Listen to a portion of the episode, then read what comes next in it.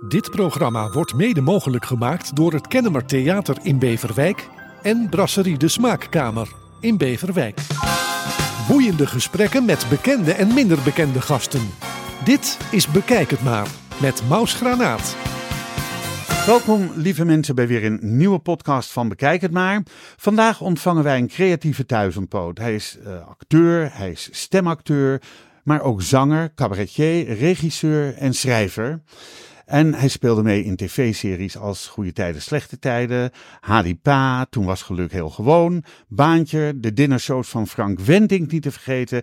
Hij vertolkte bijna een levensechte Wim Kan, Johnny Jordaan, Simon Carmichelt. Hij was te zien in Hendrik Groen, maar was een graag geziene zanger-acteur ook bij het Amsterdam Kleinkunstfestival. Uh, samen met Harry Slinger van Drukwerk en Marjolein Touw stond hij garant voor een superleuke show Kerstfeest in de Jordaan. Maar zette in 2017 een geweldige Leo Voelt neer in de voorstelling Wohin soll ich gehen, samen met zijn dochter Rosa May.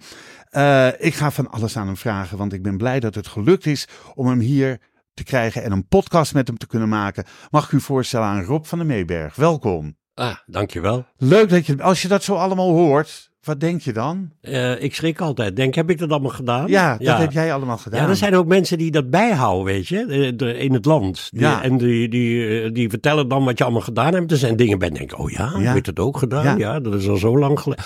Oh, ja. Ja, ja, verdomd. Dat vergeet je dan dingen. Maar als je het hoort, denk je, oh ja. Ja, oh, je denkt steeds, oh ja, oh ja.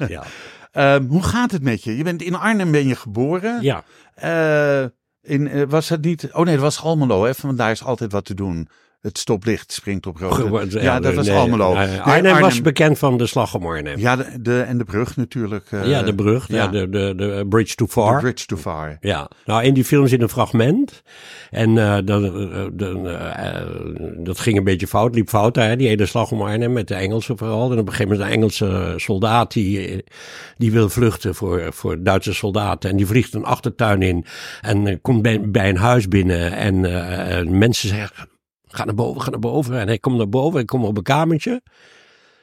En Jij was dat, die soldaat? Nee, natuurlijk oh. niet. Nee, maar in die film oh, ja? kwam hij mijn kamertje binnen. Voor mijn gevoel. Vanwege oh. de portretjes en de dingetjes ja, die ja, ja, ja, Dus toen werd die film voor mij opeens wel heel erg tastbaar. Ik kende natuurlijk de verhalen. Moet je niet vergeten, wij... Uh, de, de, de, de, er moesten op een gegeven moment honderdduizenden mensen uh, vluchten uit, uh, vanwege de slag om Arnhem. Die moesten de stad verlaten. En dat, dat hebben wij ook gedaan. We zijn uiteindelijk ondergebracht bij hele gereformeerde mensen in de. In ja, jij was een kind dat. Uh, je, je bent een oorlogskind of niet? Ik ben een oorlogskind. Ja, ja. ja ik was toen drie weken oud. Drie weken, ja. Ja. ja. ja. Um, maar dat hebben jouw ouders, die zijn dus moeten vluchten met, met hun kinderen. Ja. Hoeveel kinderen hadden jullie? Nou, mijn vader zat al ondergedoken in die, in die Gelderse vallei. Dus wij, wij hadden mijn, mijn moeder en mijn, uh, en mijn broer.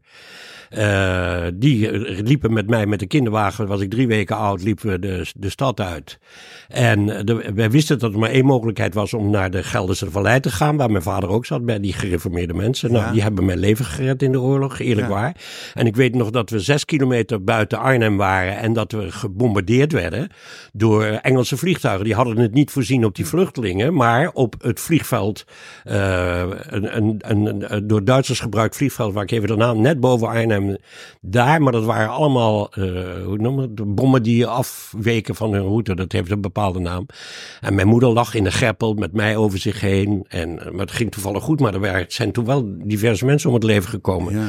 Die nog bij dat monument in, bij Loenen, bij Eerbeek, uh, genoemd worden. Heeft je moeder wel eens wat verteld over die periode tegen jullie toen jullie wat ouder waren? Ja, zeker. Ze heeft er zeker van alles over verteld. Hoe dat gegaan was. En uh, ook, uh, want wij vroegen natuurlijk ook, hoe ging dat dan als, als uh, wij bij die, bij die gereformeerde mensen zaten? Die zaten toch niet de hele dag duimen te draaien? Want nee, zei ze, je broer en je vader, die hielpen mee op het land. Ja. En ik hielp mee in het huishouden. En met melken van de koeien en noem maar op. Het was bij de Amerongse Berg, daar de, ja. de, de hele, waren super christelijke mensen. En er werd elke avond voor ons gebeden. En, uh, dat is toch heel fijn. Ja. ja. Daarom ben je waarschijnlijk zo vroom Ja, wat heet. Um, je, hebt, uh, je had één broer, die, hij, hij leeft helaas niet meer. Um, was je als kind al iemand die, die graag in de belangstelling stond? Of Ik, uh, ik weet nog heel goed dat wij hadden een vrij diepe tuin in Arnhem. En daar keken allerlei huizen op neer. En we hadden een schuurtje met een zak met. Uh, ja, het is een heel traditioneel, bijna acteursverhaal. Maar er stond een zak met lompen. En ik deed niet anders dan me verkleden. En voorstellingen maken in de tuin. In mijn eigen fantasie. Beelden van allerlei dingen uit. En ik was ervan overtuigd dat alle buren naar me keken. Ik was alleen verbaasd dat er geen applaus kwam na afloop. Nee, maar die buren hadden geen handjes. Dat, dat, misschien was dat. Geen idee. Uh, Oké, okay, maar uh, um, je bent natuurlijk naar, naar is, dat heette toen nog de lagere school gegaan. Ja. En daarna het voortgezet onderwijs. Ja. En uh, wat ben je daarna gaan doen? Was dat meteen de toneelschool? Nee, helemaal niet. Ik ben helemaal niet op de toneelschool geweest. Nooit. Maar mijn vader was violist. Ja. Ook een traditioneel. Toen hij, geloof ik dat hij vier was, dat hij een viool onder zijn kin gedrukt. Ik ook hoor. Toen ik vier was, kreeg ik een viool onder mijn kin gedrukt. Dus Ik ben uiteindelijk bij een snaarinstrument terechtgekomen. Want ik heb uh, uh, uiteindelijk contrabas gestudeerd. Klassiek contrabas ja. gestudeerd. Maar goed, dat is niet geworden, want ik wilde altijd graag het toneel op. Maar mijn vader vond dat ik een echt vak moest leren. Ja. Je kent dat. Dus je dus kan nog wel werd, als... zelfs toen ik nog op de middelbare school ging, ging ik s'avonds naar de radioschool. Rens en Rens op de, weet ik, een of andere gracht in Utrecht. Want ik moest, uh, ik wilde, ik was wel dol op radio's. Ik bouwde heel vroeg al uh, eerst transistorradiootjes en toen eenlams uh, radio's. Enfin, Moet je ook een beetje techniek kennis ja, hebben met, ja, ja, met transistortjes en condensatortjes. Ja, en, man, dat soort dingen. En, maar op een gegeven moment, ik zat op die school en op een gegeven moment was het afgelopen met de radiobuis. Ja. Er werd er overgeschakeld naar transistors. Waardoor alles veranderde. En toen zou ik eigenlijk helemaal opnieuw hebben moeten beginnen met die studio. Toen ben ik ermee genokt. Oké. Okay. En toen ben ik, uh, ja, ik zong toen al van alles en nog wat. Uh, vooral bij de Christelijke Jonge Mannenvereniging in Arnhem. Tuurlijk. Ja, natuurlijk. nee, hoe kwam dat? Omdat daar een, een behoorlijk progressieve dominee was, die uh, ook voor, met, uh, voor de, jonge delinquenten begeleidde en noem maar op. Ja. En dan was een soort jeugdherberg, waar de, dat, de Jacobiberg heette dat. En daar liet hij allerlei popgroepjes optreden. Uh, in die tijd had iedereen de uh, Comets en de Moons en dat kwam al uit Amerika overwaaien. En dat lulde ik allemaal aan elkaar. En maakte conferences erover. En uh, op een gegeven moment was ik zo brutaal dat ik in de pauze. Ik werd daar op handen gedragen. Dat ik in de pauze tegen mensen kon zeggen: Zeg maar wat jullie willen. En dan maak ik daar. Na, na de pauze kom ik terug. En dan doe ik daar een conferentie over iets idioots over. En dat, ja, dat ging zo.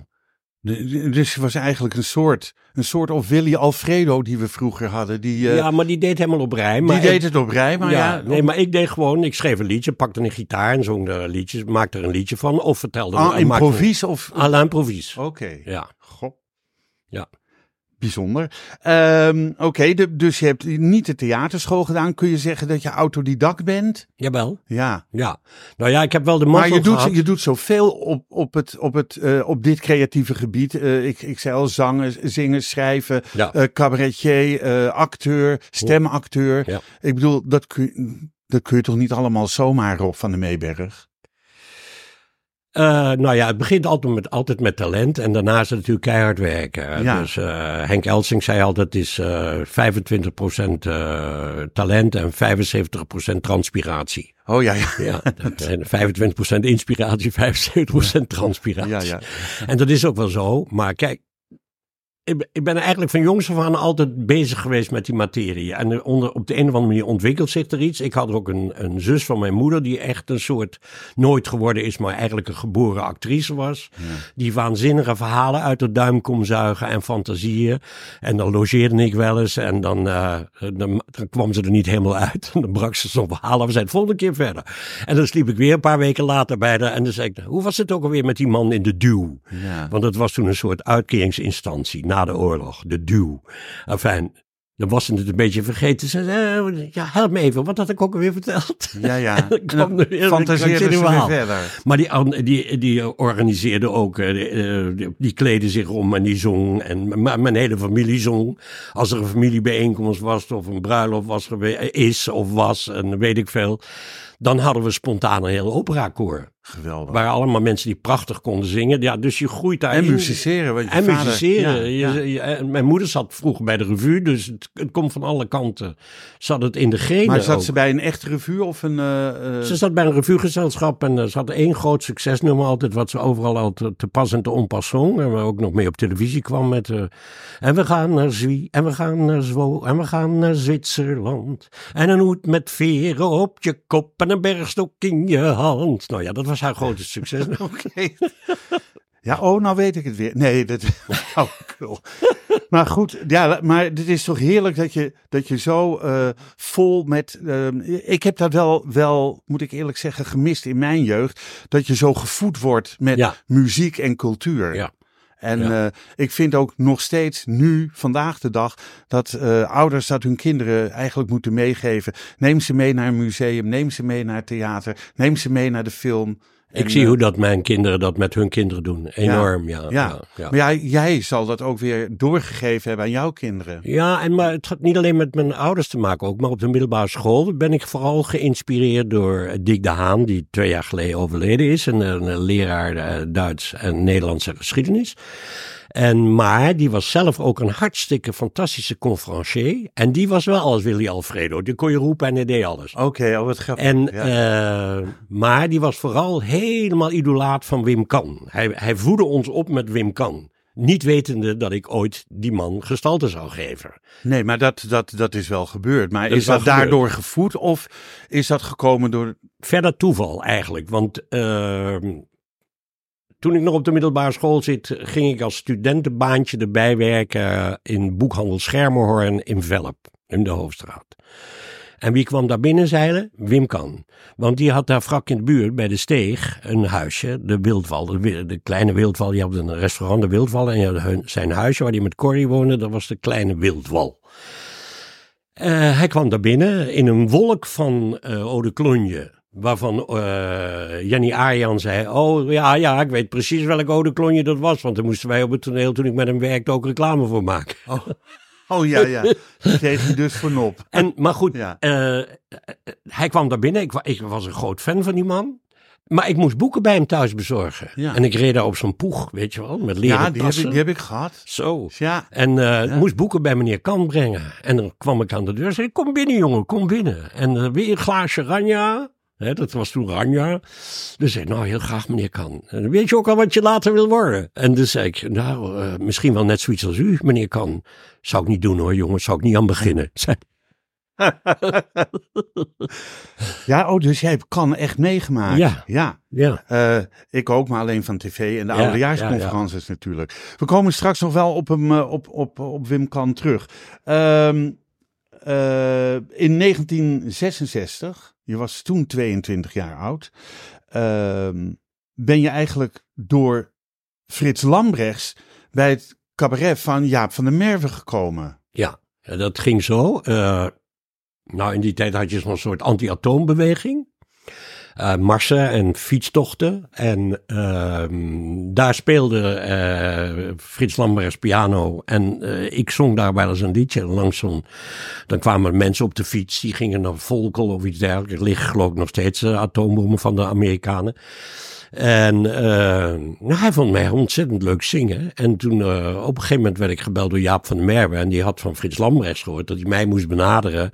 Omdat ik zo mooi kon zingen. En of ik misschien bij auditie bij hem wilde komen doen voor zijn cabaret. En zo is het begonnen.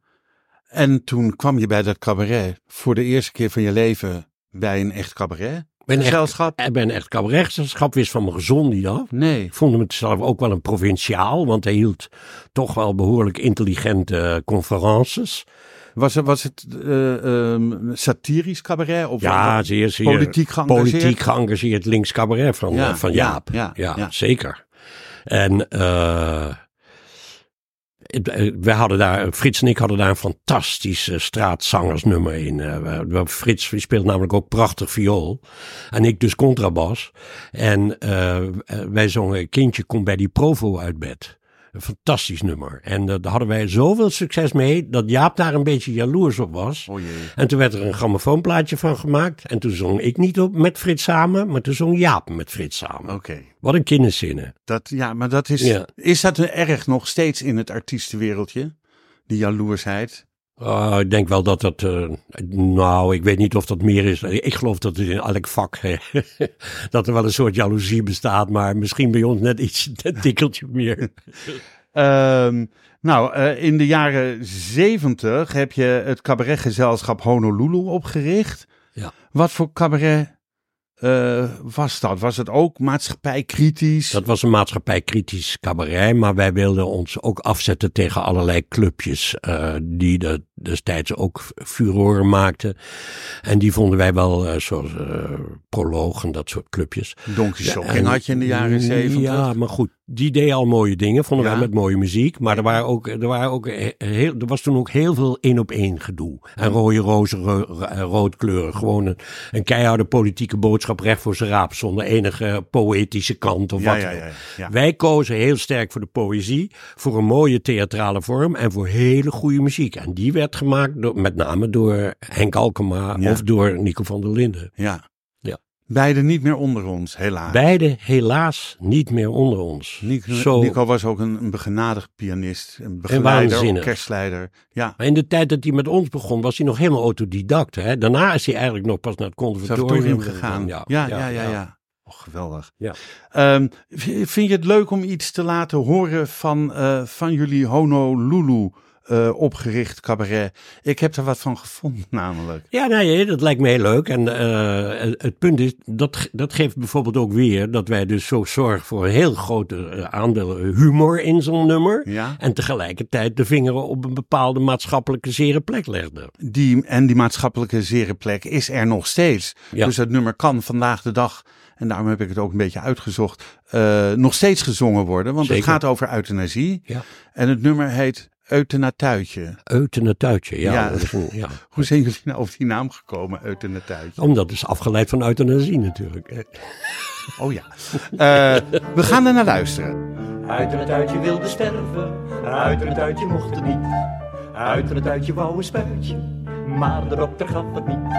Uit en het uitje bleef het vragen, maar ik kreeg een schouderklop van de dokter alle dagen. Met de woorden op.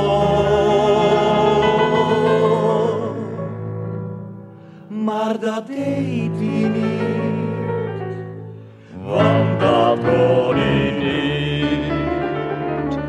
Men sneed de tumor uit zijn hoofd. Men sneed de tumor uit toen hij zich daarna be- be- bewoog, kreeg hij zijn kop niet meer omhoog. Uit het uitje wilde sterven, uit het uitje mocht het niet. Uit het uitje wou een spuitje, maar de dokter gaf het niet. Uit het uitje wou niet eten, de dokter zei met streng gezicht. Man, jij wordt toch nooit meer beter, als je zo te zeiken. Maar dat deed hij niet, want dat kon ik niet. Hij had een kunstnier aan zijn lijf. Aan zijn lijf. En een buisje uit zijn zijde. Buisje uit zijn zijde. Om zijn urine weg te leiden. Uit en het uitje riep de dokter, lieve dokter Fleurmond. Maar hoe moet ik dat versieren? Vertel me maar een leuke mop. De dokter sloeg aan moppetapen. En weet jij nog wat Sam toen zei? Uit en het uitje lachte gieren. Hij liep blauw aan, kwam niet meer bij. Zo kreeg hij zijn zin, want hij bleef Nou, wat een ontzettend leuk nummer, Rob. Ja, hè? Ja, ja. Ehm, luister, 28 jaar geleden, was 1996, speelde je voor de eerste keer eh, de voorstelling Ken Kan over het leven van Wim Kan. Ja. Eh, ik heb het gezien, volgens mij was dat in het Zaantheater in Zaandam, heb ik de voorstelling gezien. Hm? Ehm, eh, Niet in het werktheater in Amsterdam? Volgens mij was het in Zaandam. Ja, ik denk, in- was je niet in Zaandam dan? Dat zou best wel. Ja. Ik denk wel dat we ook in Zandam gespeeld hebben. Ja, Ja. nee, want we hebben het overal gespeeld eigenlijk. Ja, maar we hebben het heel lang... eh, eh, nee, nee, ik haal dingen door elkaar. Oh, Johnny deden we met name in het werktheater. Ah, ja. En, eh, oh, Sony heb ik alleen maar op tv en- gezien. Ja, en Kan was, was gewoon eh, regulier eh, met een tour. theatertournee. Ja, ja. Ja, en die heb ik in, in Zaandam gezien. Ehm, zie je dat als je grote doorbraak, want volgens mij ben je toen echt bekend geworden met Ken Kan. Ja, Ja. ik geloof het wel dat Kan daar het belangrijkste in is geweest. Ja, naast eerst eh, Johnny Jordaan Hm. en eh, daarna eh Kan. Of het liep een beetje parallel hoor, die dingen. 96 en 97 door elkaar. En later weer Wim Kan. En bij eh, Studio 21 bij Frank Wenting begon ik met vijf minuten conferentie. Ja. Waar ik absolute vrijheid had om te zeggen wat ik wilde. En dat groeide eh, uit tot zeker 10, 12 minuten op een bepaald Ja, ja, moment. En dat was geen theaterpubliek. Want, en die mensen kregen voor de pauze, eh, hadden ze al een uur lang gratis drank gehad. En toch wist ik, daar heb ik ontzettend veel van geleerd hoe je je publiek kunt bespelen en eh, rustig kunt krijgen. Want ondanks hun behoorlijk eh, wat Inname. inname eh, moesten ze af, na afloop ook heel vaak een briefje invullen wat ze het leukste gevonden hadden op die avond. En dan was die vertolking van Wim Kant stond toch bijna altijd bovenaan. Toch leuk, Ja, superleuk. superleuk. Ja. Ja. Weet je nog wat de pers over je schreef of niet? Eh, oh ja, dat, dat, daar waanzinnige dingen over gezegd. En de enige, het, het belangrijkste dingetje wat ik ooit las, dat een, een, een vader tegen zijn zoon zei: Ik heb vandaag iemand in het theater gezien die eigenlijk al lang overleden is. Maar hij was er. Sterker nog, hij leek er niet alleen sprekend op, maar hij zong zelfs beter. Nou, ik heb de volgende quote gevonden. Rob van der Meeberg benadert de fysionomie van Wim Kan en komt ook in het timbre van zijn voordracht heel dichtbij. Ja, prachtig toch? Ja, toch? Ja. Dat zijn mooie dingen. Ik weet je wel hoe, hoe eng ik dat vond in eerste instantie, om dat te doen. Ik zou dat nooit gedurfd hebben als Evert de Vries daar niet was geweest. Want kijk, ik deed dat in het programma Liedjes die niet mochten. Die onlangs nog weer Weer, ja, eh, van eh, Nederlied. eh, van Nederlied gedaan ja, is. ja. En ehm, wij deden dat in Klein Bellevue. En ik zong daar dat liedje over de railroad. Van Er leven haast geen mensen meer, van Wim Kan. Ja, Over, over de spoorweg in Burma. spoorweg in Burma en Ja. kampen die gevangen gezeten heeft. En ehm, Wim Ibo, cabaretkenner, die zat vlak vooraan en die zei... Oh, toen hij dat hoorde, die ging helemaal stuk. En eh, toen zei hij na afloop tegen Evert de Vries... Je moet met die man een voorstelling maken over Wim Kan. Oh, zei Evert, dat had ik al lang in mijn kop. En toen zei nou, maar ik begin er niet aan hoor. Zei ik tegen, ter plekke tegen Evert. Zei, dat durf ik niet. Nee. Dat is me veel te link. En eh, toen zei hij, eh, nou jawel, we zetten daar een hele goede schrijver op. En een goede regisseur. En dan moet je opletten wat er gebeurt. Is, zo is het gegaan. Het verhaal is eigenlijk helemaal geschreven door Lars Bomen over zijn leven en hele zooi. Ja. Maar praktisch alle conferences die ik erin deed, die waren actueel en die schreef ik zelf. Geweldig. Ja, ik, ik vond het heel mooi om te zien. En, en wat die man schreef over de benadering van Kan. Je hebt, kun je nog even voordoen hoe Kan klonk? Of, of lukt dat niet zo als ik het... Goh, mensen, mensen, mensen, hoe lang is het niet geleden dat we elkaar voor de laatste keer gezien hebben? Dat is toch eens, eh, het schiet me alweer te bieden. Ja, dan keek hij even op zijn, eh, Ja, op zijn op zijn papieren. papieren Ja, ja, die op de vloer lagen. Ja. Daar stond hij ook bekend. Had jij dat ook liggen? Ja, hè? Ik had die dingen ook liggen, maar daar, daar keek ik eigenlijk nooit naar. Maar het gewoon was voor het plaatje en ik deed natuurlijk wel alsof ik net... Maar dat was wel het complete script voor jou ook wat er lag, of niet? Nee hoor, Nee. de, de, de, symbolisch lagen daar de Donald vier- Duck en de, en. FIFA en zo. ja, oké, maar dat is wat Wim Kan deed. En dat is eh, eigenlijk wat nooit iemand hem kwalijk heeft genomen. Nooit, nee. Terwijl als, ik, als je nu iemand met een papiertje ziet staan om een tekst af te lezen, denk je, Ja. nou kom, leer dat uit je hoofd. Nou ja, ik heb één keer Freek de Jonge gezien met, eh, met zijn, eh, met zijn eh, tablet in de hand. Maar dat vond ik ook niet storend, gek genoeg. Hij wist het. Kijk, hij staat niet helemaal alleen maar voor te lezen. Hij Nee. deed gewoon de dingen en dan af en toe keek hij erna en dan ging hij weer verder. Ja. En eh, omdat het heel actueel was op dat Nou, moment. ik wil net zeggen, als iemand net een liedje heeft geschreven Ja. en dat voor een bepaalde festiviteit of, of, of een gebeurtenis die, die, die pas gebeurd is moet doen. En zei, nou, ik heb een liedje over geschreven, maar het zit nog niet helemaal in mijn hoofd. Ja. Dan denk ik, ja, dat, dat snap ik. Maar Ja. Kan had echt zijn hele nou, partituur, zijn hele, zijn hele scriptprogramma had ja, voor die zich had, die had liggen. echt. eh, De, en omdat eh, bijvoorbeeld, hij had dan altijd overleg even met meneer. Wie was ook alweer zijn manager? Die, die, Oh, manager. Nee, die kwam ook altijd nog even op het laatste nippertje vaak met een actuele grap of een actuele gebeurtenis. En als hij er wat in zag, dan noteerde hij die ook nog even op die papieren. Ja, ja, ja, ja. En dan. eh, maar dat trok hij dan ook weer naar zichzelf toe, want dan gaf hij nog weer een eigen draai aan. Zo knap was hij dan ook nog wel. Wat ik ook bijzonder vond altijd van eh, zijn eh oudejaarsshows, is dat hij aan het eind van de show altijd Corrie, Corrie erbij even haalde. naar voren haalde. Dat is ook iets aparts, iets wat alleen kan doet. Ik heb nog nooit iemand zijn partner naar voren zien Nee. halen na een show. Ja, maar dat was bij de allerlaatste keer op die Ja, toen was ze. debacle. Ja, dat en toen hebben ze haar nagesynchroniseerd. Ja, dat klopt, dat weet ik. Ja, is heel onplezierig. dat eh, het volk, eh, eh, we- het mijn hoedje en mijn vlaggetje en mijn toeter. nee, het was, dat maar, was dat eh, eh, het laatste. Nu gaan overal op de wereld alle Ja. voordoeken weer dicht. Van Londen tot Maastricht, daar doven ze het licht. Nu gaan over, kwam zij erbij met de tweede stem op de wereld, net ze schimmen en de scheid. Het grote, nou ja, ik, de eerste voorstelling deed ik helemaal zonder Corrie, maar ik suggereerde alsof ze er was. Ja, Ik denk, wat zei je? Weet je, alleen Ja, ja. maar die kant op kijken Ja. en dan, maar de tweede keer deed ik het met eh Annemarie eh, Henselmans ja. als Corrie. En eh, dat was heel mooi. En die kon dan ook mijn liedje Moedje met toe te doen. En, Ik decor van bamboe, was een heel mooi bamboeachtig decor, wat suggereerde van... Indonesië? Nee, dat Jappenkamp gewoon Ja, oh, suggereerde Jappenkamp, vooral ja. die toestand.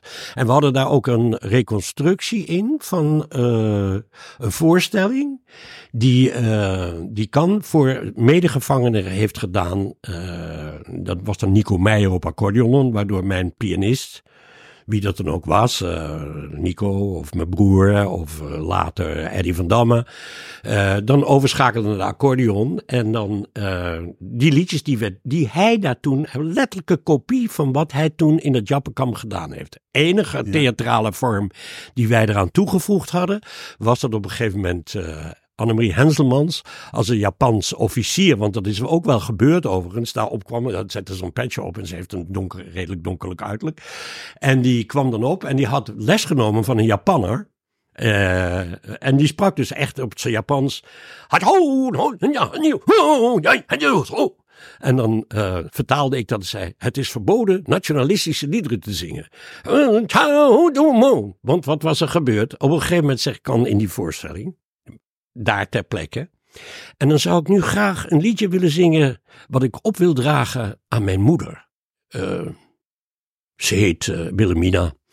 En eh, als u het weet, mag u gerust mee neurien.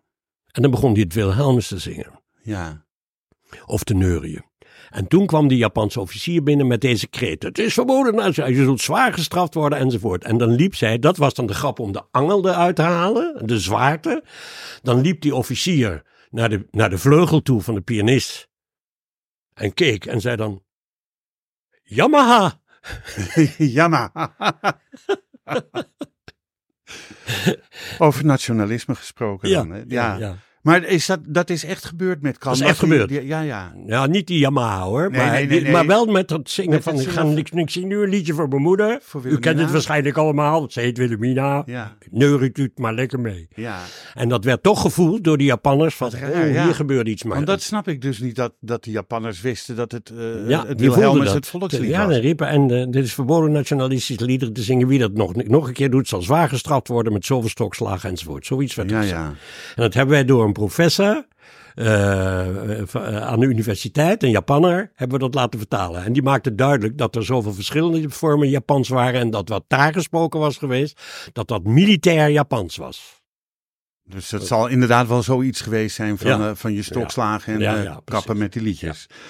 Ehm, je hebt, ook, eh, je hebt dat ook gedaan eh, na Wim Kan in de hoedanigheid van Johnny Jordaan. Wat overigens weer terugkomt. Daar gaan we het eh, straks nog wel eventjes over hebben.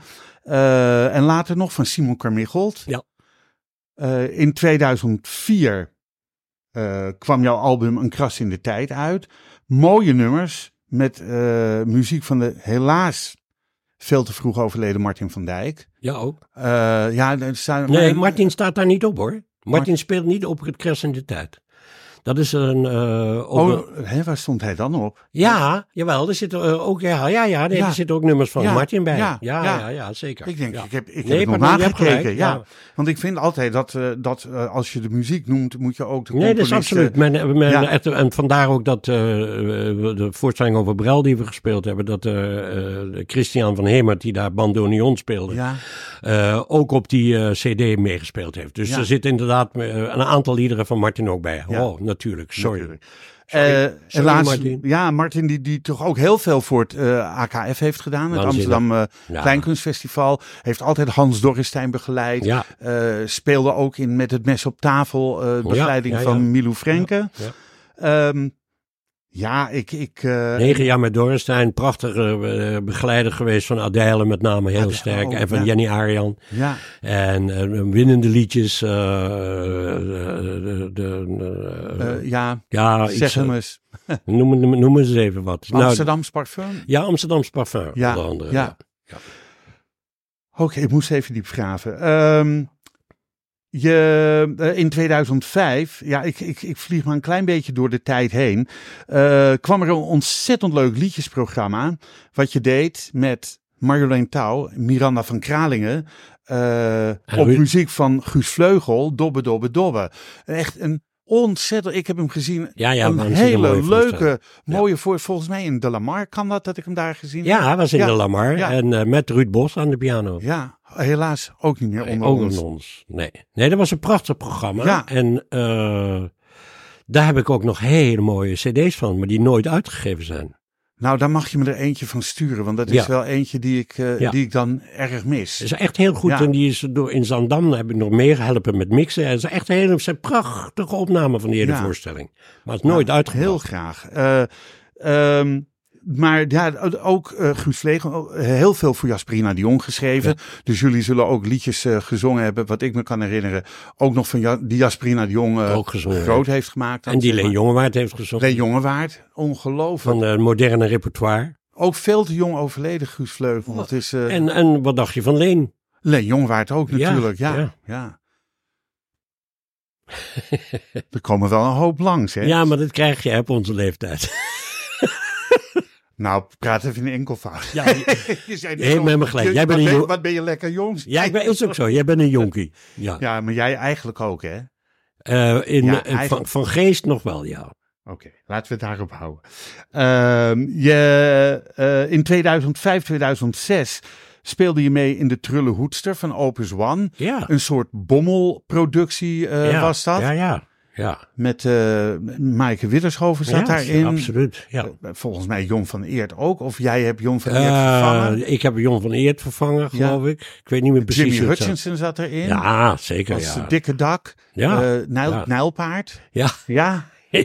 Burgemeester. Ja, ja, ja, ja. burgemeestersrol. ja, ja. Ehm, ook een leuke voorstelling. Ook enig. Ja. Wat ik zo mooi vond aan Opus One, ik heb dat denk ik wel heel vaak gezegd ook, is dat zij, kijk, de, alle van de Ende producties, die zijn natuurlijk prachtig, waar die vliegtuigen en, en, en Titanic boten op het toneel laat verschijnen, doet Opus One met minimale middelen eh, ook hele mooie voorstellingen maken. Nou ja, dat, dat waardeer ik zo enorm. Kijk, ik, ik, vind dat eh, laat honderd bloemen bloeien. Hè. Ja, Als je geld hebt en je kunt Ja. een prachtig decor eh, permitteren, moet je doen.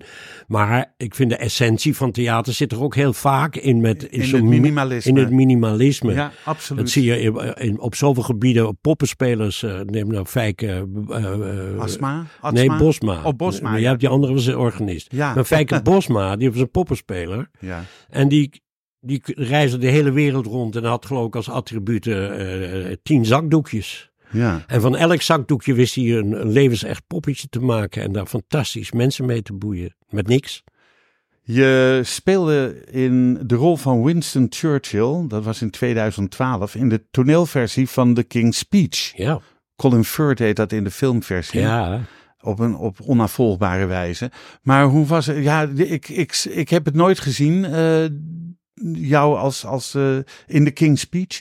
Maar ehm, Ik was, ik kan me jou wel voorstellen. ik was als, een waanzinnige Churchill. Ja, dat kan ik me wel voorstellen. Maar eh, ehm, ik, ik, ik, ik, toen ik het las, dacht ik, ik heb nooit geweten dat er een Nederlandse toneelversie Versie van de, van de geweest, ja. King's Speech. Ja, ja met, eh hoe heet die jongen van, eh bekende acteur. Eh, die, die, die, die, eh, niet die stotterende koning, maar die, die, die, die, hoe moet ik zeggen, die, die linguist speelde. Die man, die, die hoe, mensen die, eh, die methode van de, hoe je, die, die, die, die koning stotterde in. Ja, ja, ja, ja, dat klopt. Nou, en dan ben ik beide namen even kwijt, maar dat is ook leeftijd. Oeh, maakt niet oh, Hoe dan ook. Het was een prachtige voorstelling. Ja, Het ja. echt, zat echt heel goed in elkaar. En eh, goed vertaald, goed bewerkt. Ook met minimale middelen hoor. Want het, eh, dat heeft helaas vrij kort gespeeld. Te weinig publiek getrokken. Ja. Omdat kennelijk de meeste mensen... Men En heeft de natuurlijk- film was heel succesvol. ja, daarom. Daarom hebben ze gedacht, de film is zo succesvol, dan zal een theatervoorstelling dat ook doen. Maar de mensen dachten van, ja, we, hebben die voorstellers, die was zo super Engels. Hoe kan dat op het Nederlands? Maar dat kon Ja, wel. Dat kon Ja. wel, ja. Ja. Eh, Wilbert Gieske. Wilbert Gieske. Wilbert Gieske speelde, Oké. ja, die, eh, ja, die speelde niet de koning, maar die speelde die, Die eh, die, spreekleer, spraakleraar. ja. ja. Eh, toen ik je cv zo langs ging, ongeveer eh, 12 A4'tjes, ik weet het niet zeker, maar eh, heb je echt veel gedaan. We hadden het even in het begin daarover. Is er nou een productie waarvan je zegt, nou daaraan bewaar ik echt de leukste herinnering of, of een hele leuke herinnering? Eh, het allerleukste wat ik ooit gedaan heb, vond, zijn twee dingen. Dat zijn uh, Oshoni met name. Ja, ja. Nou, eigenlijk drie dingen eh, die, die ik bijna gelijkwaardig vond. Ik heb heel veel profijt en plezier gehad van Wim Kan. Dat staat Ja. ook bovenaan mijn lijstje. En Carmichelt. Ja, En eh, de, de verguisde voorstelling eh, Grace, the musical. nou ja, Verguis, hij is geflopt. Er is voor, voor ik weet niet hoeveel miljoen Nou, een de- theater gebouwd. Toen een soort of kasteel eh, Nee, dat is precies de, de kopie van, de kopie van het paleis van in, Grimaldi, in, in, Monaco. in, in Monaco. ja, ja. We moeten Monaco. Mo- Monaco zeggen. Ja, waarom, hè? Ja, weet ik goed, niet. weet ik niet. Weet ik ook Jij mag wel rustig Monaco zeggen hoor. Nou, ik hou het op Monaco als het maar dat, is, het eh, dat, ik vond dat ik daar een fantastische rol in speelde als Hitchcock. En dat heb ik ook mogen doen Ja. in Carnegie Hall in New York. Ja, echt. Met Joke de Cruijff en met Ernst Daniel Smit. Dus jij hebt in Carnegie Hall gestaan. Ik heb in Carnegie Hall gestaan. Wauw. Ja. Hebben jullie het in het Engels gedaan? Of voor de Nederlandse Ik heb bevolking? eh, mijn buurman in, eh in Bussen, waar ik toen nog woonde, die eh, is een Engel, was een Engelsman, maar een talenwonder. Die, die runde de Franse afdeling van de Wereldomroep. Omdat hij vloeiend Frans sprak zonder enig accent. Sprak natuurlijk prachtig Engels, maar kon ook heel goed Amerikaans Engels. En die heeft die eerste, het eerste verhaal wat ik als eh, Hitchcock, waar ik mee opkwam, dat heeft hij eh, naar het Amerikaans Engels vertaald. En met, eh, maar, maar ik moest het op, juist op zijn hele Engelse manier brengen, want daar houden Amerikanen van. Maar er zaten dus Amerikaanse grapjes in, begrijp je, die daarin verwerkt zaten. Ja. En wat was het ook weer? Good evening. My name is Alfred Hitchcock. Tonight I like to present you a wonderful girl. Her name is Grace Kelly. en zo ging het wel door. Nou, mensen braken de tent af. In, eh, we hadden smiddags al eh, een ding gedaan voor, net zoals je hier hebt, de vrienden van Carré, hebben ze daar de vrienden van, eh, Van Carnegie van Hall. Carnegie Hall. en daar werkte het al eh, geweldig. En s'avonds was het helemaal te dol. Maar het is ook wel leuk dat je dan even kan zien waar de lach zit en waar je, Ja, waar je perfect, wat, eh, ja. kan voelen. Weet je wat idioot was met die hele voorstelling? We zongen dus aan het eind met alle artiesten, want het was een hommage aan eh, eh, de, de componist van, van, dat, van dat geheel, die ook de componist was van Sweet Charity, waar destijds met, Met Simone Kleinsma Ja, met Simone Kleinsma, ja. en, hoe heet die nou? Nou, dat komt dadelijk. Eh, de, die, de hele beroemde componist van Componist Hey Big Spender. Ja. Down, down, down, down. Ah. Goed, die man. Die, die was een hommage, werd die aan die man gegeven in Carnegie Hall. En daar gingen wij naartoe. En we zongen daar dus en ik deed een stukje. eh, en zij, eh, Ernst Daniel en Joke zongen eh, liedjes uit, eh, uit Grace Kelly. En aan het eind van de voorstelling zongen we met een 100 man orkest 100 man. een lied wat we met z'n allen ingestudeerd hadden voor deze meneer. ja. Ik, die naam komt echt bovendrijven. Ehm, Toch niet Burt Bacharach? Nee, nee, nee, Nee. nee. Hij is ook overleden, helaas. Ik weet dat Ernst Daniel later nog eens naar zijn graf geweest is in, in eh, New York. Maar weet je wat het. Loopt hij nog? Maar weet je wat het Ja, ja, ja, hij loopt zeker het nog. Idiote is dat. eh, dat zijn, dat zijn vakbondsregels in, eh, in, in eh, Amerika. We zijn dat lied aan het zingen. Er moet ongeveer nog 30 seconden uittro van het lied gespeeld worden door het orkest. En de dirigent tikt af en alle, instrument, alle mensen zetten hun instrumenten weg, trekken hun jas aan en lopen weg. Ja. Vakbondsregel. De tijd. Ze gingen precies op de klok. Coleman. Cy Coleman. Coleman. Ja, Opeens schoot het me te binnen. ja opeens gewoon, ja, geweldig van je. Ja, Cy Coleman. Ja, Ja. geweldig man, geweldige componist. Eh, ja, Ja, dat, maar ja, goed, dat is. eh, dat is ook iets wat mij dus, eh, ja, je kunt, een, goede vriend van mij, een van de grootste opera musical kenners en mijn tandarts, die, en eh, mijn tandarts. ja, die, ehm, die, die zei, ik vond het eigenlijk hartstikke goede musical. Echt super. En het is eh, onbegrijpelijk dat het, eh, dat, nou, ik, ik weet wel wat daarachter zat. Dat, de, er was natuurlijk een enorme concurrentie tussen Joop en deze meneer Maat, Bert Maas. ja. En eh, aanvankelijk liepen er, eh, liep het best goed. Er, waren, er konden 1100 mensen in en dan zaten er toch gemiddeld 1000 mensen. En van de een op de andere dag liep het terug naar 160 mensen. En dan was het niet te trekken natuurlijk. Toen ging het kapot. ja. En ja, geruchten vertelden dat, dat er een bepaalde busonderneming, want je krijgt zo'n zaal alleen maar vol als je vanuit het hele land eh, mensen mag vervoeren, dat een bepaalde busonderneming eh, eh, bang was dat het contract met, met Joop zou verliezen. Dat was de achterliggende. Ja, dat is een verhaal. En we hebben wel journalisten mee over gevraagd. Daar heb ik ook altijd gezegd, moet je luisteren, dat weet ik niet. Dat is ook niet mijn vak. Voor Hmm. jullie is het de bedoeling dat je dingen gaat uitpluizen. En als je dat zo graag wilt weten, duik er maar in. Ja. Ik heb nooit meer wat van gehoord. Nee, nee. Poeh, ja, dat, dat is een musical die een kapitaal gekost heeft en Ja. het niet opgebracht heeft. Ja, zo- Zonde. Met het beste orkest ooit in de bak. Hè? Ja. 22 topmuzici vanuit het metropool en noem maar op. Echt fantastische muzikanten. Ja, die Bert Maas die heeft er een hoop ingestoken. Maar Nou. hoe lang is dat? Tw- Twintig jaar terug of zo? Het was Alweer? in eh, 2002 geloof ik. Ja, 21 jaar geleden. Ja, dat moet, Ja. weet ik weet nog, want wij aan het repeteren waren. En toen eh, eh, was eh, 9-11. Oh ja. En die, die, toen waren, Ja. die waren die Amerikanen die eh, ons, eh, de, en Cy Coleman en een, eh, eh, een Amerikaanse regisseur en weet ik veel. Die waren zo de klus kwijt. We hebben een aantal dagen niet gerepeteerd. nee. Waar helemaal, wat was vlak bij hun huis waar er gebeurde. Want die, ja, toen wij in Carnegie Hall waren, ben ik nog bij Cy Coleman thuis geweest. En bij de choreografen. Ja, En die wonen allemaal daar in dat... eh, in die omgeving in die van de Twin van die, Towers. ja, en dat heb ik ook gezien. Dat ik stond dan nog met die eh, journalist die ook alweer een tijdje geleden overleden is. Die, eh, ehm, hmm, Namen, hè? Namen. hè? En die zei, die zei toch ook van, nou ja, zeg, ik heb altijd in God geloofd, maar nu ben ik geloof ik van mijn geloof afgevallen nu ik dit Hmm. gezien heb. Met eh, Martin van Dijk, eh, eerder benoemd, en Evert de Vries heb je drie seizoenen lang, van 2011 tot 2014, de getergde mannen gedaan. Ja, Ook weer een cabaret, cabareteske voorstelling. Ehm, was het een beetje jullie vervolg op Honolulu uit de jaren zeventig? Of had dit een andere reden of een bedoeling?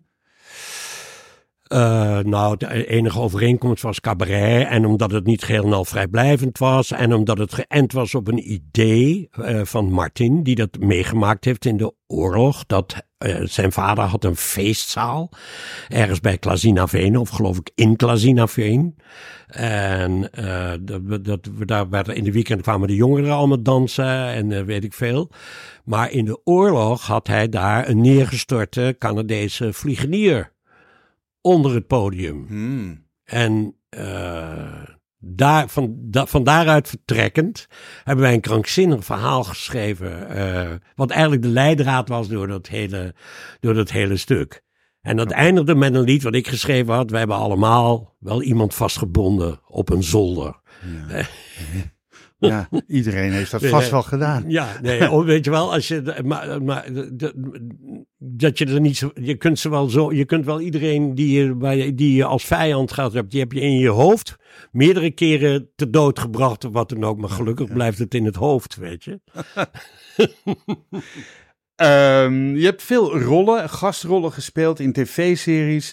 Eh, de meest recente waren Hendrik Groen, ook alweer een jaar of vijf, zes geleden. Ja, Eh, en als het goed is, komt daar volgend jaar een speelfilm over uit. Over Hendrik Groen? Ja, Ga- daar plannen zijn ook- vergevorderd, daar je ga ik ook aan meedoen. Oké, leuk. En we hebben vorig jaar, of ook alweer twee jaar geleden, deden we tweedehands. ja, dat, Oh, sorry, Maar ik neem je- je de woorden uit de mond. maar dat het gras, nou, ik ga het even opnieuw doen. En het is al eh, met Stefan de Wallen in tweede hand. Ja. Vorig jaar was dat op televisie. Daarin speelde je een, een lid van een zangvereniging. Ja. En ehm, ik vond het een hele leuke serie, moet ik eerlijk De zeggen. best bekeken serie van het jaar. Is dat zo? De hoogste kijkcijfers. Oké, Nou, nou bijna is 2 miljoen mensen per avond. Hè? Dat is niet te geloven. acht, acht afleveringen of zo was ja, het. Ja. ja. Nou ja, wat, wat wij een beetje jammer vonden. En dat eh, was ook in dat koor. Hè? Je had een vrouw en een mannenkoor. Maar het ging vooral over dat mannenkoor. Ja. En eh, de- dat mannenkoor bestond uit allemaal zeer gerenommeerde acteurs. Die Ja. ook aardig konden zingen. Maar als acteur kwamen we eigenlijk weinig aan bod. Dat was een beetje jammer. Ja, ja, oh ja, dat is inderdaad. Ja. Maar ja, jullie zongen wel leuk met We elkaar. zongen heel mooi. Ja, ja. ja. Ehm, eh, maar naast zanger en regisseur, acteur en schrijver ben je ook stemacteur. Eh, je hebt de afgelopen jaren aan, aan, aan tientallen tekenfilmfiguren je stem ontleend. Eh, zoals Avatar, Rapunzel, Pokémon. eh, zeg maar als ik verkeerd zit hoor. Cinderella, Paddington, meneer Ollivander in, in Harry, Harry Potter. Potter.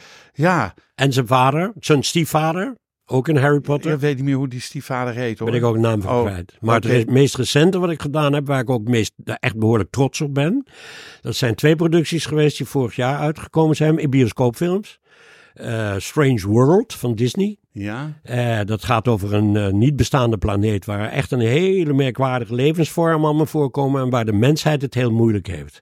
En een beetje gebaseerd op Bertolt Brecht is er dan een vader die met zijn zoon de bergen over wil, omdat was, misschien is er achter de bergen een beter leven mogelijk. ja. Maar het wordt steeds enger en op een gegeven moment haakt die zoon af.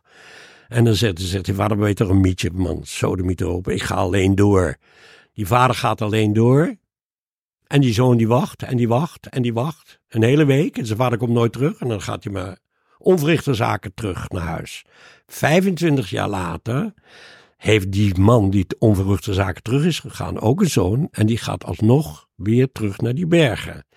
Lopen daar tegen een volkomen verwilderde man aan. Wat zijn Dat vader is. opa- Nee, zijn opa dan hè? De opa van de Ja, jongste ja, man. van- ja, ja, Van de ja, jongste, ja. Maar het het is heel revolutionair in eh, Disneywereld. Ja, De zoon van mijn zoon, zal ik maar zeggen, ja, is homofiel. ja. Nou, dat is voor- voor Disney-begrippen Nou, dat is heel- ontzettend revolutionair. Heel revolutionair. Ja. En dat, Nou, Dat dat, was, een, maar- dat was een hele moeilijke. Ik moest een hele moeilijke audities voor doen. Twee keer. En dat werd naar Amerika opgestuurd. Nou ja, uiteindelijk werd ik dat. Een ander ding waar ik heel weinig auditie voor heeft, heb, te, heb voor te doen... is ook een bioscoopfilm over Pinocchio. Waar ik Geppetto in speel. oh ja, En die is dus nog een half jaar, tot een half jaar geleden in de bioscoop te zien geweest. En Geppetto was een hele grote rol waar ik akelig trots op ben. Met moeilijke muziek erin. ja. En het mooie van deze hele film is dat het eigenlijk teruggrijpt op het Pinocchio-verhaal zoals het oorspronkelijk geschreven is. Van Disney verfraait die dingen, maakt Ja. het, zwakt het af en maakt het mooier. Mooier, ja, ja. Dit speelt zich af tegen het opkomend fascisme in Italië. Mussolini wordt er ook nog eens een karikatuur in neergezet enzovoort. En de echte zoon van Geppetto die komt om door een bombardement van fascisten in een kerk. En dan gaat hij een takkie snijden en, En dat wordt Pinocchio. daarvoor- En het, het mooie is dat Pinocchio wordt ook niet echt een pop. Dat is eigenlijk meer een paar twijgjes die aan elkaar zitten, vastzitten. Het is zo verschrikkelijk mooi gedaan. Maar ja, ja ik, vind die, ik vind die mooie gestileerde pop in de Disney film Ook heel mooi. Ook heel mooi Maar ja. een twijgje, dus die tot leven komt. ja. En uiteindelijk ook uit die walvis proberen ont- ontsnappen. ze, Want als die liegt, Ja, dan gaat dat- zijn neus groeien. Maar bij hem wordt het dus een hele lange tak. ja. En dan kunnen ze via die tak uit de bek van de walvis kruipen. Ja, zo mooi gedaan. Nou, dat zijn wel leuke, dat zijn leuke dingen, eh, Rob, die je gedaan hebt. Allemaal leuke dingen. Eén ding ben ik eigenlijk eh, vergeten. Eh, want achter elke succesvolle man staat een krachtige vrouw. Jouw eigen Marie. Zeker. En ehm, op, eh, volgens mij is dat op jouw cd een kras in de tijd. Staat Niks een zeggen? liedje? Ja. En haar lange blonde haren dansen deinend op en neer. En ik voel me al die jaren dat ik, na al die jaren dat ik haar nog steeds begeer. Ja, En ik denk dat moet jouw eigen Marie zijn. dat is mijn eigen Marie, ook Ja. mijn eigen tekst. En je eigen tekst. Ja, Het is een kort liedje, 1 minuut 43 of Ja, zo. ja. Ja, ja, ja. Maar toen ik het hoorde, denk ik, hoe moet je je voelen als vrouw als je man zo'n liedje voor je maakt? ja, ja. leuk. Ja, dat is mooi. Dat is heel mooi. Ja. Nee, Marie is best. Aan de andere kant heeft ze zich nooit zo verschrikkelijk bemoeid met mijn werk. Want we zaten elkaar een beetje in het vaarwater. Eh, aanvankelijk niet, want ze is 13 jaar heeft ze in het onderwijs gewerkt. En daarna is ze gaan werken als rechterhand van Even de Vries Ja. bij het Kleinkunstfestival. Ja, daar heb ik haar leren kennen. En vooral ook bij het coachen. En toen niet weet omdat het jouw vrouw was. Ja, precies. En ik had wel een oogje op haar, maar ik denk, ik... Nee, maar ze was geliefd. Ze werd er ook op een gegeven moment de moeder van het, eh, ja, van het dat was festival zo. genoemd. Ja, Omdat ze zo de kandidaten die eh, zo gerust wisten stellen voordat ze het toneel opgingen enzovoort. En altijd neutraal bleef. En iedereen volledig gelijk en gelijkwaardig behandelde. en ook communicatief altijd heel goed Ja, was. Want precies. ze reageerde, ze was heel... hoe noem je dat? Eh, En ze eh, ook in- wel in- mijn kritiekaster geweest hoor. Want ik heb, ik heb wel de neiging gehad. En ik uit mijn familie, omdat er zoveel gezongen werd, werd er ook ontzettend luid gegalmd. Altijd, weet je wel, elkaar bijna overtreffen.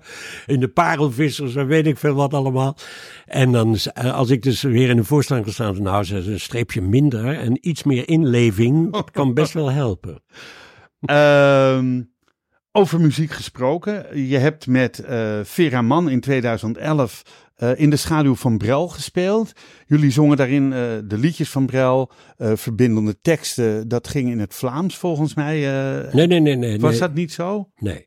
Oh. Het was een verhaal geschreven door, ook weer door Lars Boom. Die verantwoordelijk was voor Wim Kan en voor Johnny Jordaan. Johnny Jordaan. Simon Carmichelt is geschreven door Jurian van Dongen. Ja. Eh, Ook niet tenminste. Lars had geen affiniteit met, zo, zozeer met Simon. Ehm, nee, dat en dat, het verhaal gaat over de, de, de chauffeur, de, man, de, van Jacques Brel. Ehm, die ook een van zijn muzikanten was, maar ook zijn chauffeur en weet ik veel, de rattenplan. Die wordt na, ehm, die is totaal in de vergetelheid geraakt. En die wordt dus na zoveel jaar opgegraven om naar de hemel te gaan. Maar die komt dus eerst in het voorportaal en hij weet niet meer wie die is. En aan de hand van eh, liedjes van Jacques Brel krijgt die man langzamerhand zijn geheugen terug. Dus ik heb me er niet aan gewaagd om Jacques Brel na te doen. Nee, nee, nee, nee, nee. Maar via zijn chauffeur zo dicht mogelijk in de buurt van Brel te komen. Ja, en het, wa- het was niet zozeer een, een verhaal over zijn leven, maar meer over zijn emoties en over, eh, eh, wat had ik nog meer gezien, Eh, emoties, zijn gevoel. Dat, dat, tenminste, zo heb ik het begrepen. Ja, ja, ja, ja, zeker, Ja, ja. Misschien is het leuk om een nummer van Brel te draaien. Zullen we gewoon zijn hele bekende, wat door heel veel mensen is gezongen, het nummer Kitepa? Ja, dat is een waanzinnig mooi nummer. En bedoel, dat heb ik ook nooit in het Frans durven zingen. Vera heeft dat in het Vlaams gezongen. Maar eh, dat is zo verschrikkelijk authentiek en zo doorleefd. En daar durf ik me niet aan te wagen. Zal ik ook nooit doen. Nog wel even leuk, misschien voordat je dat nummer draait, Ja. dat ik Jacques Brel ook persoonlijk heb gekend. Kijk, Of gekend is een groot een woord. keer ontmoet hebt. Frits Lambrechts en ik deden mee aan een groot Wereldjeugdfestival in Helsinki, waar we ook allebei optraden. Frits zong onder de, de torens van Amsterdam en ik zong naast Nederlandse liedjes ook Franse liedjes die geïnspireerd waren op Jacques Brel, die ik zelf had geschreven, waarbij ik eigenlijk een soort persiflage op Brel deed. En Mabrel, die was daar ook, want die trad daar ook op. En die zat in de zaal en die kwam na afloop naar ons toe. En hij probeerde op zijn manier om een Vlaams tegen ons te spreken. En wij deden ons uiterste best om Frans te spreken. maar dat is een ontmoeting geweest met Jacques Brel Ja. in Helsinki. Maar dat is wel mooi. En hem daar dan ontmoeten. En daar ontmoet Ja. We gaan er naar luisteren. Jacques Brel met Ne me quitte pas. s'enfuit déjà. Oubliez le temps des malentendus et le temps perdu à savoir comment oublier ces heures qui tuaient parfois à coups de pourquoi le cœur du bonheur. Ne me quitte pas, ne me quitte pas. Ne me quitte pas. Ne me quitte pas. Moi, je t'offrirai des perles de pluie venues de pays où il ne pleut pas. Je creuserai la terre jusqu'après ma mort pour couvrir ton corps d'or et de lumière. Je ferai un domaine où l'amour sera roi, où l'amour sera loi, tu seras reine. Ne me quitte pas, ne me quitte pas, ne me quitte pas, ne me quitte pas. Ne me quitte pas. Je t'inventerai des mots insensés que tu comprendras. Ja, daar moet je ook eigenlijk niet aankomen. Aan amants-là Nee, Nee. Jacques Brel, prachtig om te horen. Terugkijkend op jouw lange carrière. Je bent een tijdje geleden 79 geworden. Is er iets in die jaren wat je niet gedaan hebt, maar wel graag had willen doen? Ja, daar ben ik mee bezig. Oh, wat is dat dan?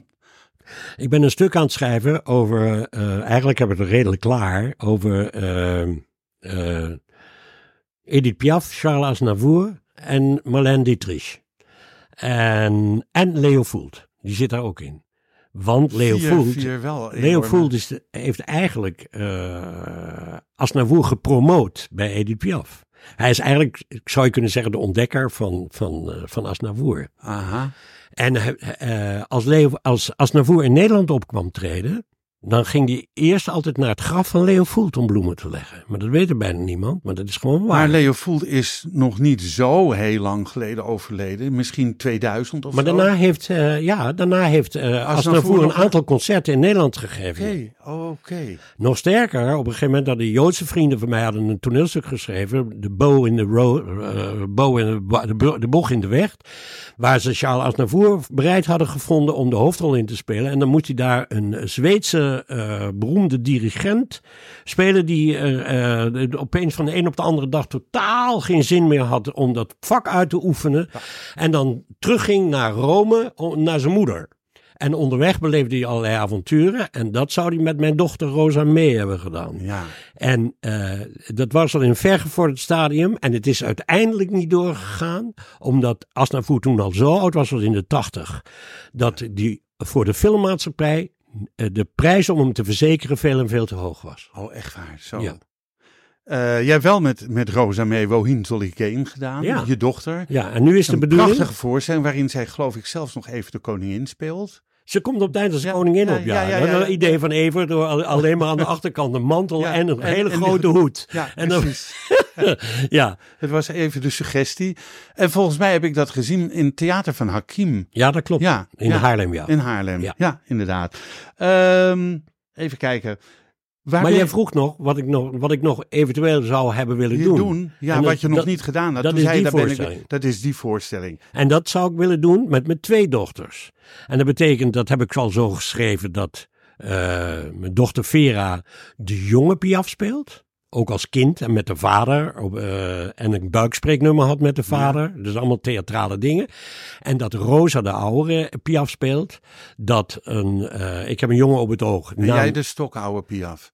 Ik speel dus de stokoude Asnavoer. Aznavour. En een jonge acteur moet, eh, die ik ken, en ik hoop dat hij het wil doen, de, die ook een goede pianist is en een zanger, dat die de jonge eh Aznavour Asnavour speelt. speelt. En we hebben een ontmoeting tussen Piaf en ehm, eh, Marlene Dietrich. Marlene Dietrich in Parijs, waar het enorm, in eh, New York, toen ze in Am- Amerika optrad. En dat is een hele komische, maar hele indrukwekkende scène tussen die twee, die bijna een soort verliefdheid naar elkaar gingen voelen. Oké, er is wel ooit een, een eh, van, van Irene Kuiper en... eh, ja, van die drie vrouwen. ja. eh, ja, die, die hadden in bed met Piaf. Oh, eh, ja. in, in bed met Dietrich en Piaf. oh, hebben die dat ook al benaderd? Ja. Eh, ja, eh, met, met Frederik Sluiterman van Loo. ja, die drie. Ja, ja. Ja. ja. maar dat was een. En, en diezelfde tijd verscheen er een ander toneelstuk eh, door een Duitse schrijfster. Wat ik aan het vertalen was, en toen kwam die voorstelling. Toen heb ik dat maar laten liggen. Maar ergens met dat idee, wat nog altijd dan in je hoofd eh, rondtolt, Tolt, ja. ben ik tot deze, tot deze Nee, gekomen. Ik vind het een heel leuk concept. En zeker Voelt- met Asnavoer en Leo Voelt. En dat dan Piaf met, samen met eh eh, eh, Marlene Dietrich op een gegeven moment naar nachtclub in, eh, in Parijs gaat. En die twee hebben in New elkaar York nooit, ontmoet, hè? In het echt. Die hebben elkaar nooit ontmoet. Maar dat is wel een mooi verhaal. Tuurlijk. Toch? Maar ze gaan dan ook samen naar de nachtclub die eh, eh, Leo Voelt in New York had. Ja, ja. En eh, dan, gaan, dan zingt daar, eh, Leo Voelt zingt even met Jiddische mama. Ehm, wat maakt voor jou het leven de moeite waard? Eh, het leven is de moeite waard om geleefd te worden. Mens durft te leven is ook mijn levensmotto. Nou ja, en van Koos, nee, niet van Koos, Dirk Witte. Dirk Witte. Een, een van de bekendste ja. nummers ooit. En ook door zingen, Ram, hè? Ramses gezongen. Ehm, nog één ding. Eén ding tot slot. Eh, dat was eigenlijk deze vraag. Wat maakt voor jou het leven de moeite waard? Maar waar ben je op dit moment mee bezig? Je bent met Oh Johnny bezig. Dat gaat terugkomen. Met Marjolein Touw. Met eh, Tony Neef Tony Neef. en Rosa mee. En Rosa mee. En jij gaat het regisseren. Nee, ik speel Johnny. spe- jij speelt Johnny. Ja, tuurlijk. Ik speel Johnny. En het wordt geregisseerd door Johan Verheij, waar ik nu in oktober eh, een voorstelling speel in het kader van de theaterroute in Huizen. Daar speel ik een Joodse meneer die nog leeft, die in een bejaardentehuis zit en door de ontmoeting met een koffiejuffrouw eindelijk zijn hele oorlogsverleden op tafel durft te leggen. En eindigt met een koortje, wat zingt van, die zingt niet wohin soll ich gehen, maar die zingen wel, was geween, Is geween, is niet dood. Ja. Die Kräfte werden schwach, da war groß. Man näht sich, man kleidt sich, man macht sich schön. Man hat aber keinen, nur sich alleen. Dat, bo- bo- bo- bo- bo- dat heeft, eh, Voelt, heel erg, ja. Ik krijg er een beetje kippenvel van. Zie je het? Ja, ja. Zie je het gebeuren? Ja. Ehm, Rob van den Meeberg, ik wil je bedanken voor je komst. Ik denk dat ik nog wel een uur zou kunnen doorpraten met jou. Maar eh, Doe een andere keer. doen we een andere keer. Eh, ik hoop je nog heel vaak te zien in het theater, in goede gezondheid. Eh, deze podcast wordt uitgegeven door Roots Podcast Productions. Alles is na te lezen op www.bekijkhetmaar.com. Dank voor het luisteren en wat mij betreft graag tot de volgende podcast. Dit programma werd mede mogelijk gemaakt door het Kennemer Theater in Beverwijk en Brasserie de Smaakkamer in Beverwijk.